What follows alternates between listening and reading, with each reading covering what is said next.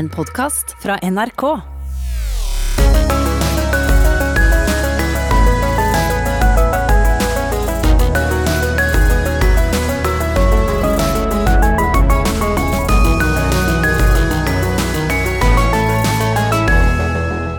Han ene har rekorden i antall fotballkamper for det norske landslaget. Han andre tok fotballandslaget til det første og Førebels siste EM-sluttspillet Norge har spilt på 20 år. I høst kan EM-drømmen bli virkelig igjen. Jon Arne Riise og Nils Johan Semb er dagens gjester i campingstolen.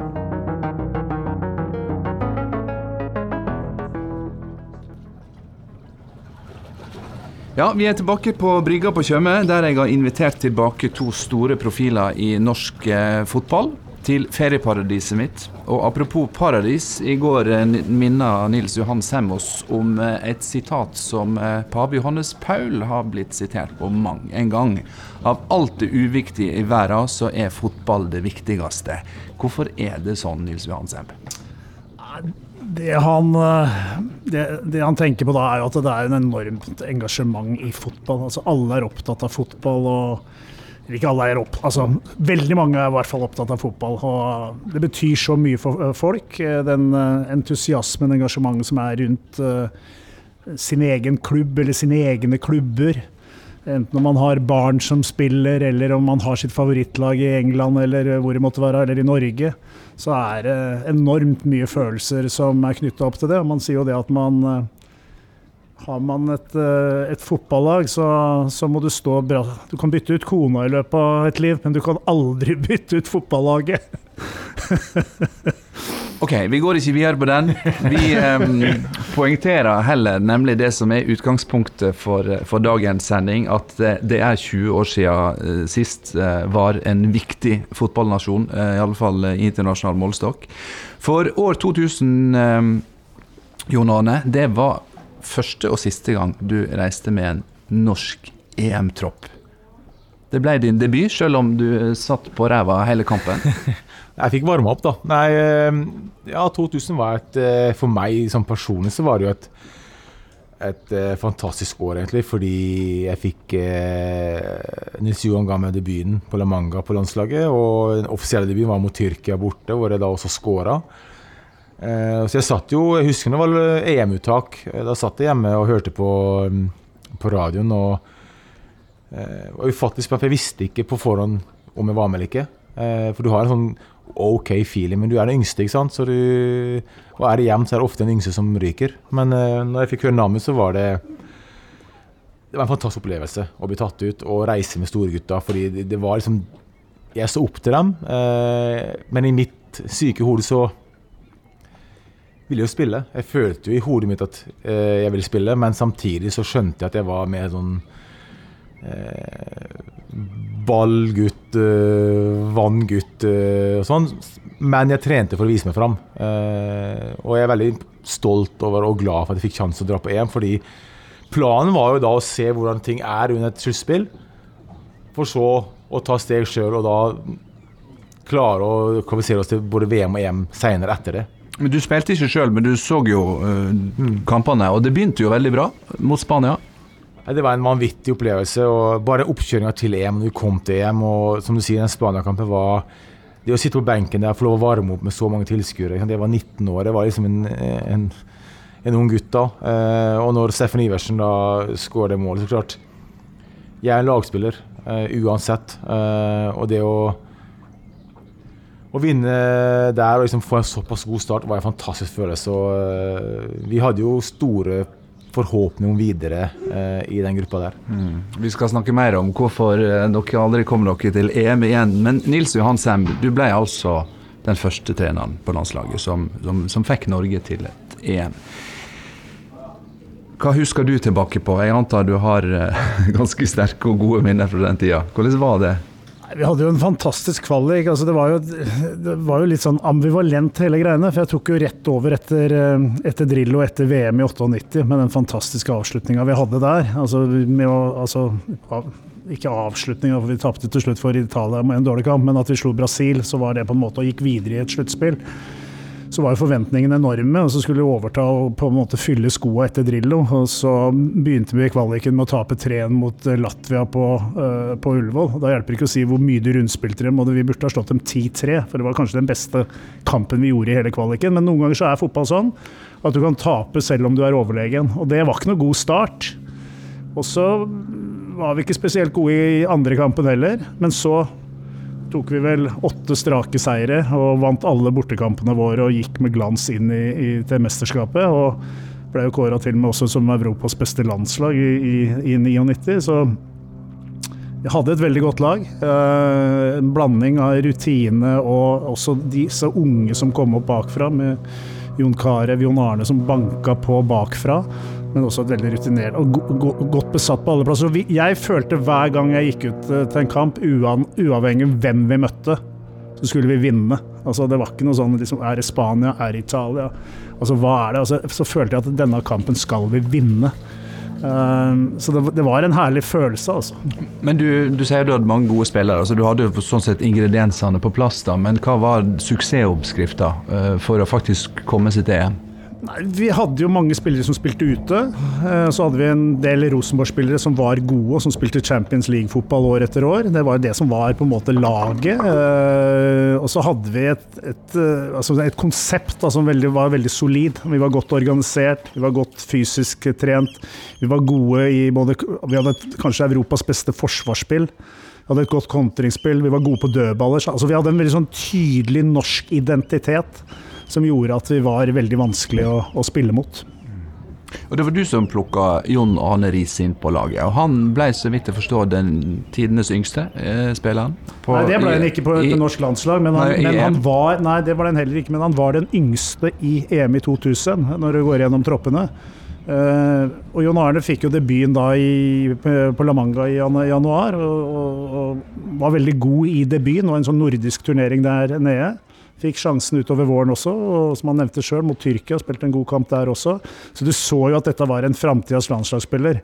Og jeg tenkte sånn at når man skal, eh, skal til EM og sette sammen en tropp til EM med 23 spillere, så må man også ta med noen av de yngste som du har troa på skal prege Norge framover. Eh, selv om du kanskje ikke hadde tenkt at han skulle spille så mye. Men det var ikke sånn at det var utelukkende at han kunne spille, for han hadde gjort det bra i de treningskampene han hadde vært inne på. Eh, men han kom til å prege, og jeg tenkte jo sånn at han skal være en viktig spiller for de neste sluttspillene Norge skal spille. Men uh, nå ble det jo ikke noen flere sluttspill. Nei, og da lurer jeg på, Jon Arne, når du reiste hjem igjen da fra, fra, ditt første EM. Eh, tenkte du da at ja ja, men det er jo bare to år til neste gang? Jeg tenkte jo først og fremst det var en fantastisk opplevelse for meg personlig å få være med der. Klart Man blir jo, man blir jo skuffa eh, man blir jo skuffa sånn person og ikke får spille. Og måten vi røyk på, så var jo ganske dramatisk sånn sett. Eh, for jeg følte vi fortjente å gå videre. Skal vi bare si hvorfor det var dramatisk? Fordi dere spilte uavgjort. Eh, og var avhengig av andre lags eh, resultat. Hva var det det handla om, Nils Johan? Ta det kort. Nei, vi gikk jo av banen og trodde at vi, alle trodde vi var i kvartfinalen. Altså, det var vel 15 000 nordmenn på tribunen som satt og sang og hylla laget av banen. Jeg gikk av banen og visste at det var fem minutter igjen av kampen til Spania øh, og Jugoslavia. Og Spania måtte skåre to ganger. Og de skåra to mål på overtid, det 93. og 95. minutt. Og når du ser de måla, så tenker du sånn Det er ikke mulig at det kan skje, men det skjedde. Så fra å tro at du er i en kvartfinale, da, som alle trodde, så skjønte jeg, for jeg kikka opp på TV 2s kommentatorteam, og så plutselig så gjorde de tommel ned. Og da skjønte jeg at Spania hadde, hadde skåra på slutten. Så det var jo en fryktelig en fryktelig nedtur. Altså, det er kontrasten i fotball. Det er himmel og helvete. Noe, ver noe, ja, noe, verre kan du egentlig ikke oppleve enn det vi gjorde akkurat da. Jon Arne gnir seg i øynene når du snakker om dette.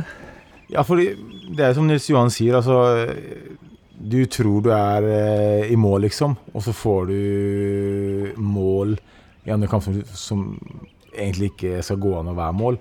Og jeg var mer trist, for det, det var et bilde av Nils Johan som ingen glemmer, hvor du står på alle fire der, som jeg har planta i hodet mitt eh, enda. Det, så du blir jo lei deg på deres vegne, fordi jeg visste at jeg ikke kom til å spille så mye.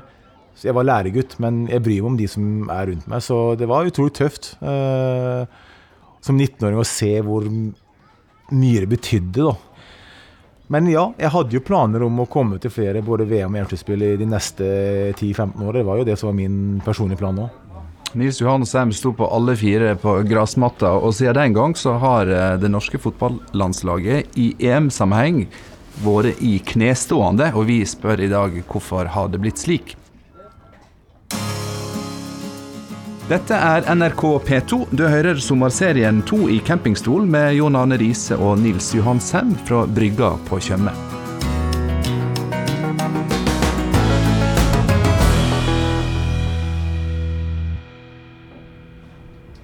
Vi sitter her og mimrer tilbake til gullalderen for norsk eh, landslagsfotball. Og da må jeg presisere at vi snakker om det norske herrelandslaget. For eh, kvinnene har jo gjort det sterkt. Men på herresida så har altså Norge ikke greid å hevde seg i toppen på 20 år. Og da må jeg jo spørre deg, Nils Johan, du som tok eh, Norge til EM første og siste gang. Hvorfor har det ikke latt seg gjøre etter 2000? Det er fordi vi ikke har vært gode nok. Vi har vært i nærheten en del ganger. Vi, jeg sjøl var veldig nær med å ta Norge til EM i Portugal i 2004. Åge Hareide var veldig nær å nå sluttspill. Og uh, Per-Mathias hadde en gyllen mulighet uh, i kvalikkamper mot Ungarn. Men summa summarum er at vi ikke har vært gode nok. Så det finnes ingen unnskyldninger for at vi ikke har vært i flere sluttspill. Nei, for vi kan ikke si at det var uflaks heller, liksom. Nei, ikke uflaks. Det har vært noen marginer som det er i toppidrett. Men er du god nok, så, så, så, tåler du også litt marginer imot, for da er du god nok, og da kvalifiserer du deg. Hvis vi ser den lange tidslinja, Jon Arne, eh, så er jo den ganske flat hele veien. Og så har vi en ganske kraftig bulk eh, på slutten av 90-tallet. VM 98, EM 2000. ikke sant? Da gikk det fryktelig mye bedre enn det gjorde før eller etter. Hva vil du si er liksom forskjellen på norsk fotball den gang og nå? For det første føler jeg at internasjonal fotball er litt mye jevnere. De såkalte dårlige lagene er litt bedre. Eh, og hver kamp er faktisk eh, vanskelig å, å, spille. Før så var det sånn at du visste at ja, det laget her slår du. Men eh, nå er det ikke sånn lenger. Nå er det mye jevnere. Vi hadde en periode hvor vi hadde ekstremt mange proffer som spilte fast i utlandet. Som var på gode europeiske lag. Og som Nils Johan sier, vi hadde Rosenborg som spilte Champions League.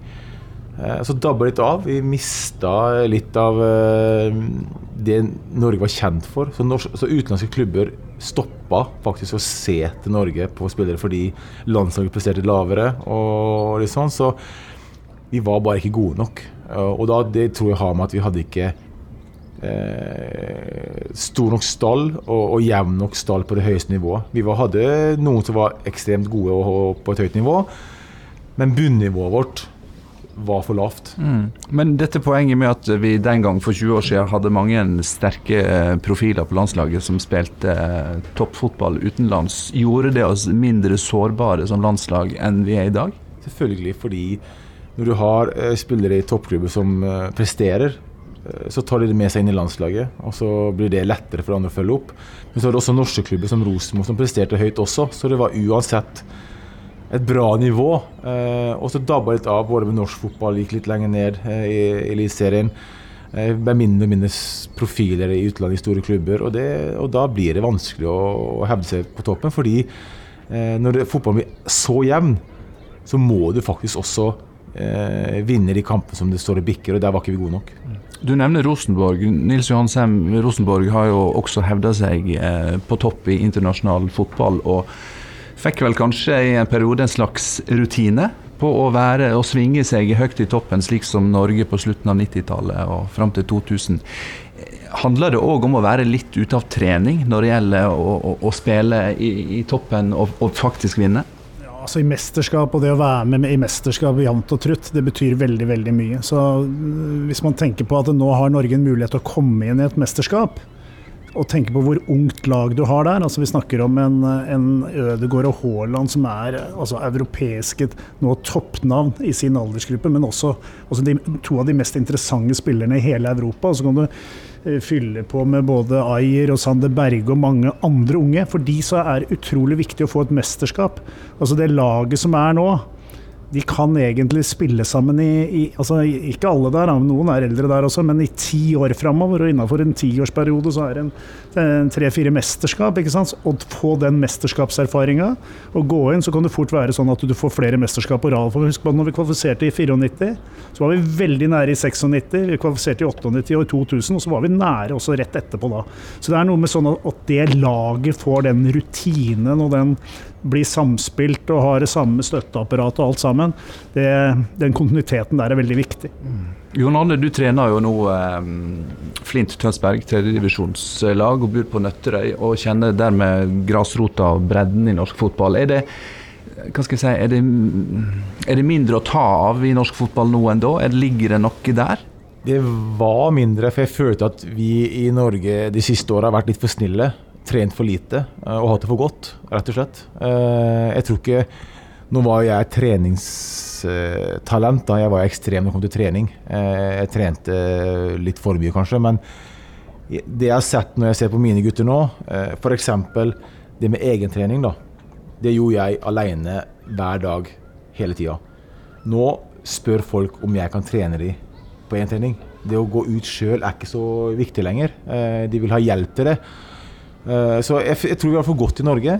Uh, og Derfor trenger vi noen som har vært der ute, som meg sjøl, Ronny Johnsen, kanskje andre spillere og nå som nå er trenere, til å faktisk forklare hvordan det er i den store verden.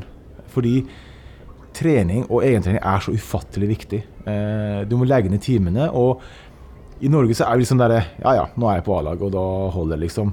Men å gå fra A-laget i, i, Norge til utlandet, det, det er en annen verden. Både på kvalitet, innsats, trøkk, press, eh, og ikke, ikke, minst mentalt. Så Det er derfor du ser mange talenter nå komme hjem igjen og ikke klare det fordi de var ikke mentalt klare.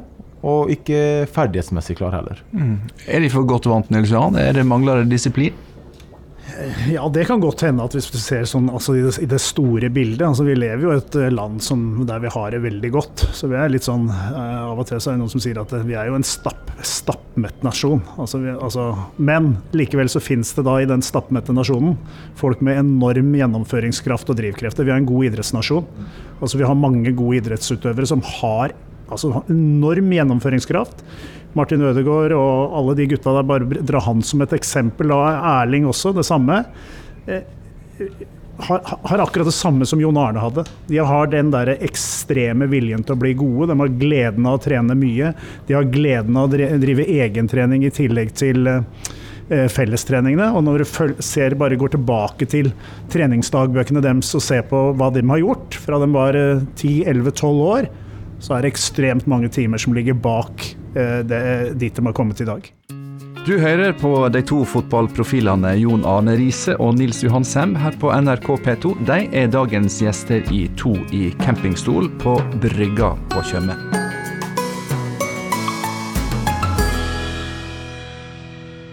Vi snakker om glansdagene for 20 år siden, og hvorfor vi ikke har opplevd maken siden den gang. Og Da lurer jeg på, er det slik rett og slett at Norge som fotballnasjon er der vi skal være, som en miniputt som ikke skal spille med de store?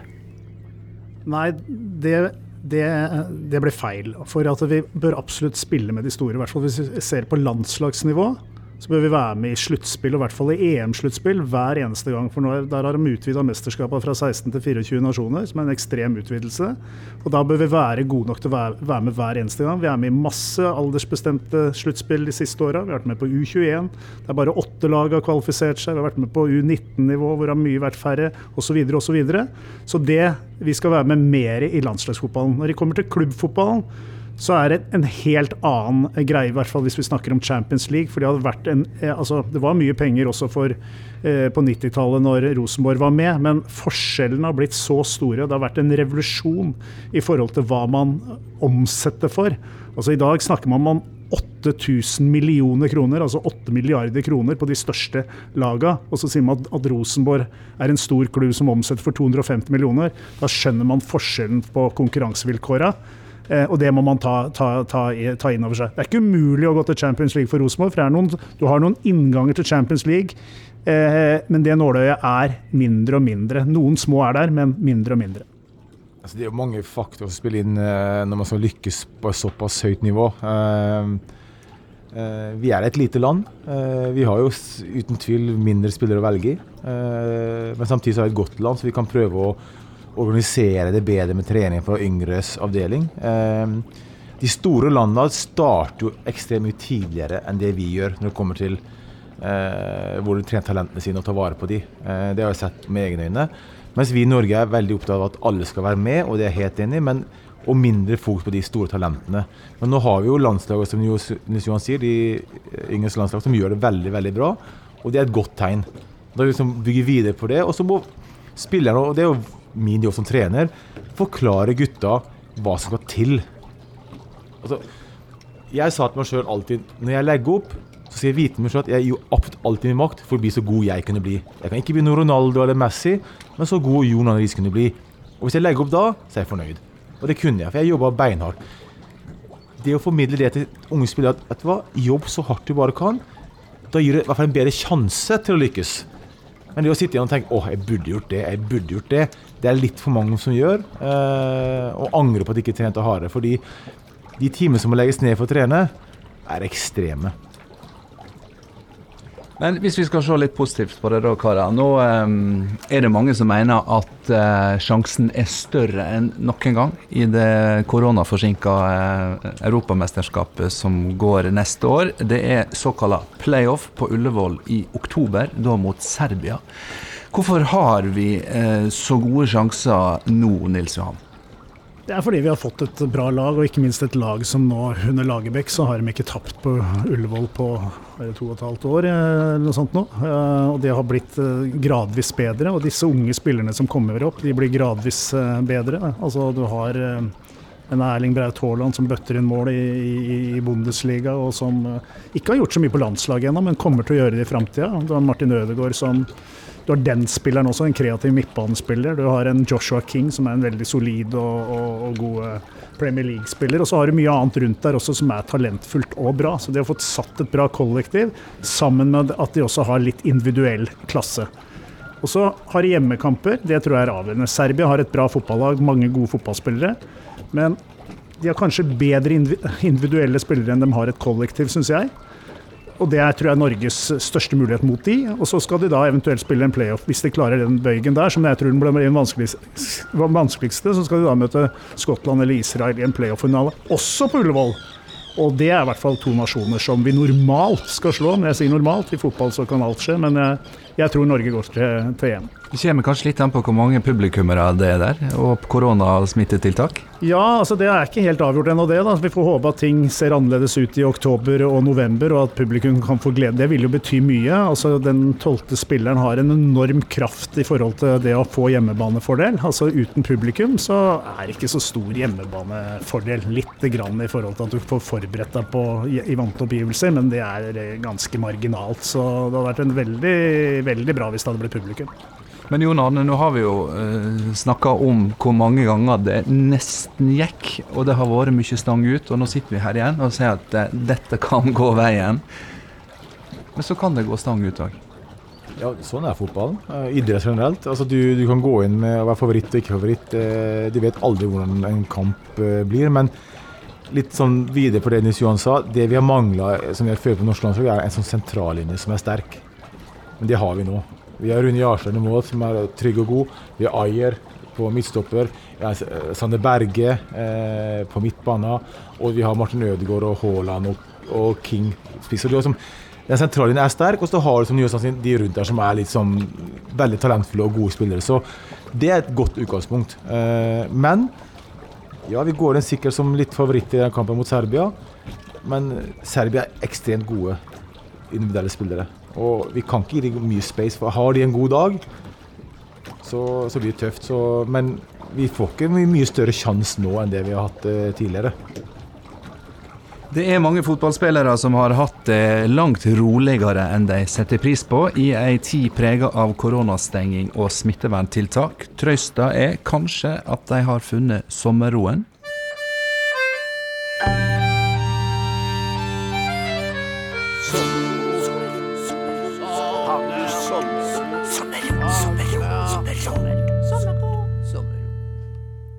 Hei, campingstolen. Det her er Henning Sommerro. Jeg lurer på hvordan du finner sommerroen. Det er ganske mye, egentlig. Men dette her å stå opp om morgenen og til en god solskinnsdag gå ut på enten på hytta på, på, trappa der eller hjemme på gården og ta en kopp kaffe og se på det flotte rundt deg av eh, natur og altså blomster og busker og trær. Altså, vi bor jo i et fantastisk eh, vakkert land. Uh, I det hele tatt, det å, å gå og rusle i, i, Norge på denne tida og se rundt seg og ta inn de inntrykka. Uh, sommeren er herlig, så hele sommeren gir meg god følelse. Men du er gardbruker uh, i Åsgårdstrand. Kan du tillate deg å hvile på plogen? Du, jeg skal ikke skryte på meg at jeg er gårdbruker, for jeg er det man kaller sofabonde. Så jeg har en nabo som driver, gjør det tunge arbeidet, og så administrerer jeg, og så jobber jeg heller med fotball. Tusen takk eh, begge to, Nils Johan Sem og Jon Arne Riise, for at dere kom hit til brygga mi på Tjøme og eh, tok en prat om glansdager og kanskje nye oppturer for norsk eh, fotball. Jeg er programleder Håkon Haugsbø og produsent Lars Erik Ertsgaard Ringen. Vi klapper sammen campingstolene nå og drar videre til neste gjestepar her på ferieøya Tjøme, som du får høre i morgendagens utgave av To i campingstol. Takk for følget. Du har hørt en podkast fra NRK. Hør flere podkaster og din NRK-kanal i appen NRK Radio.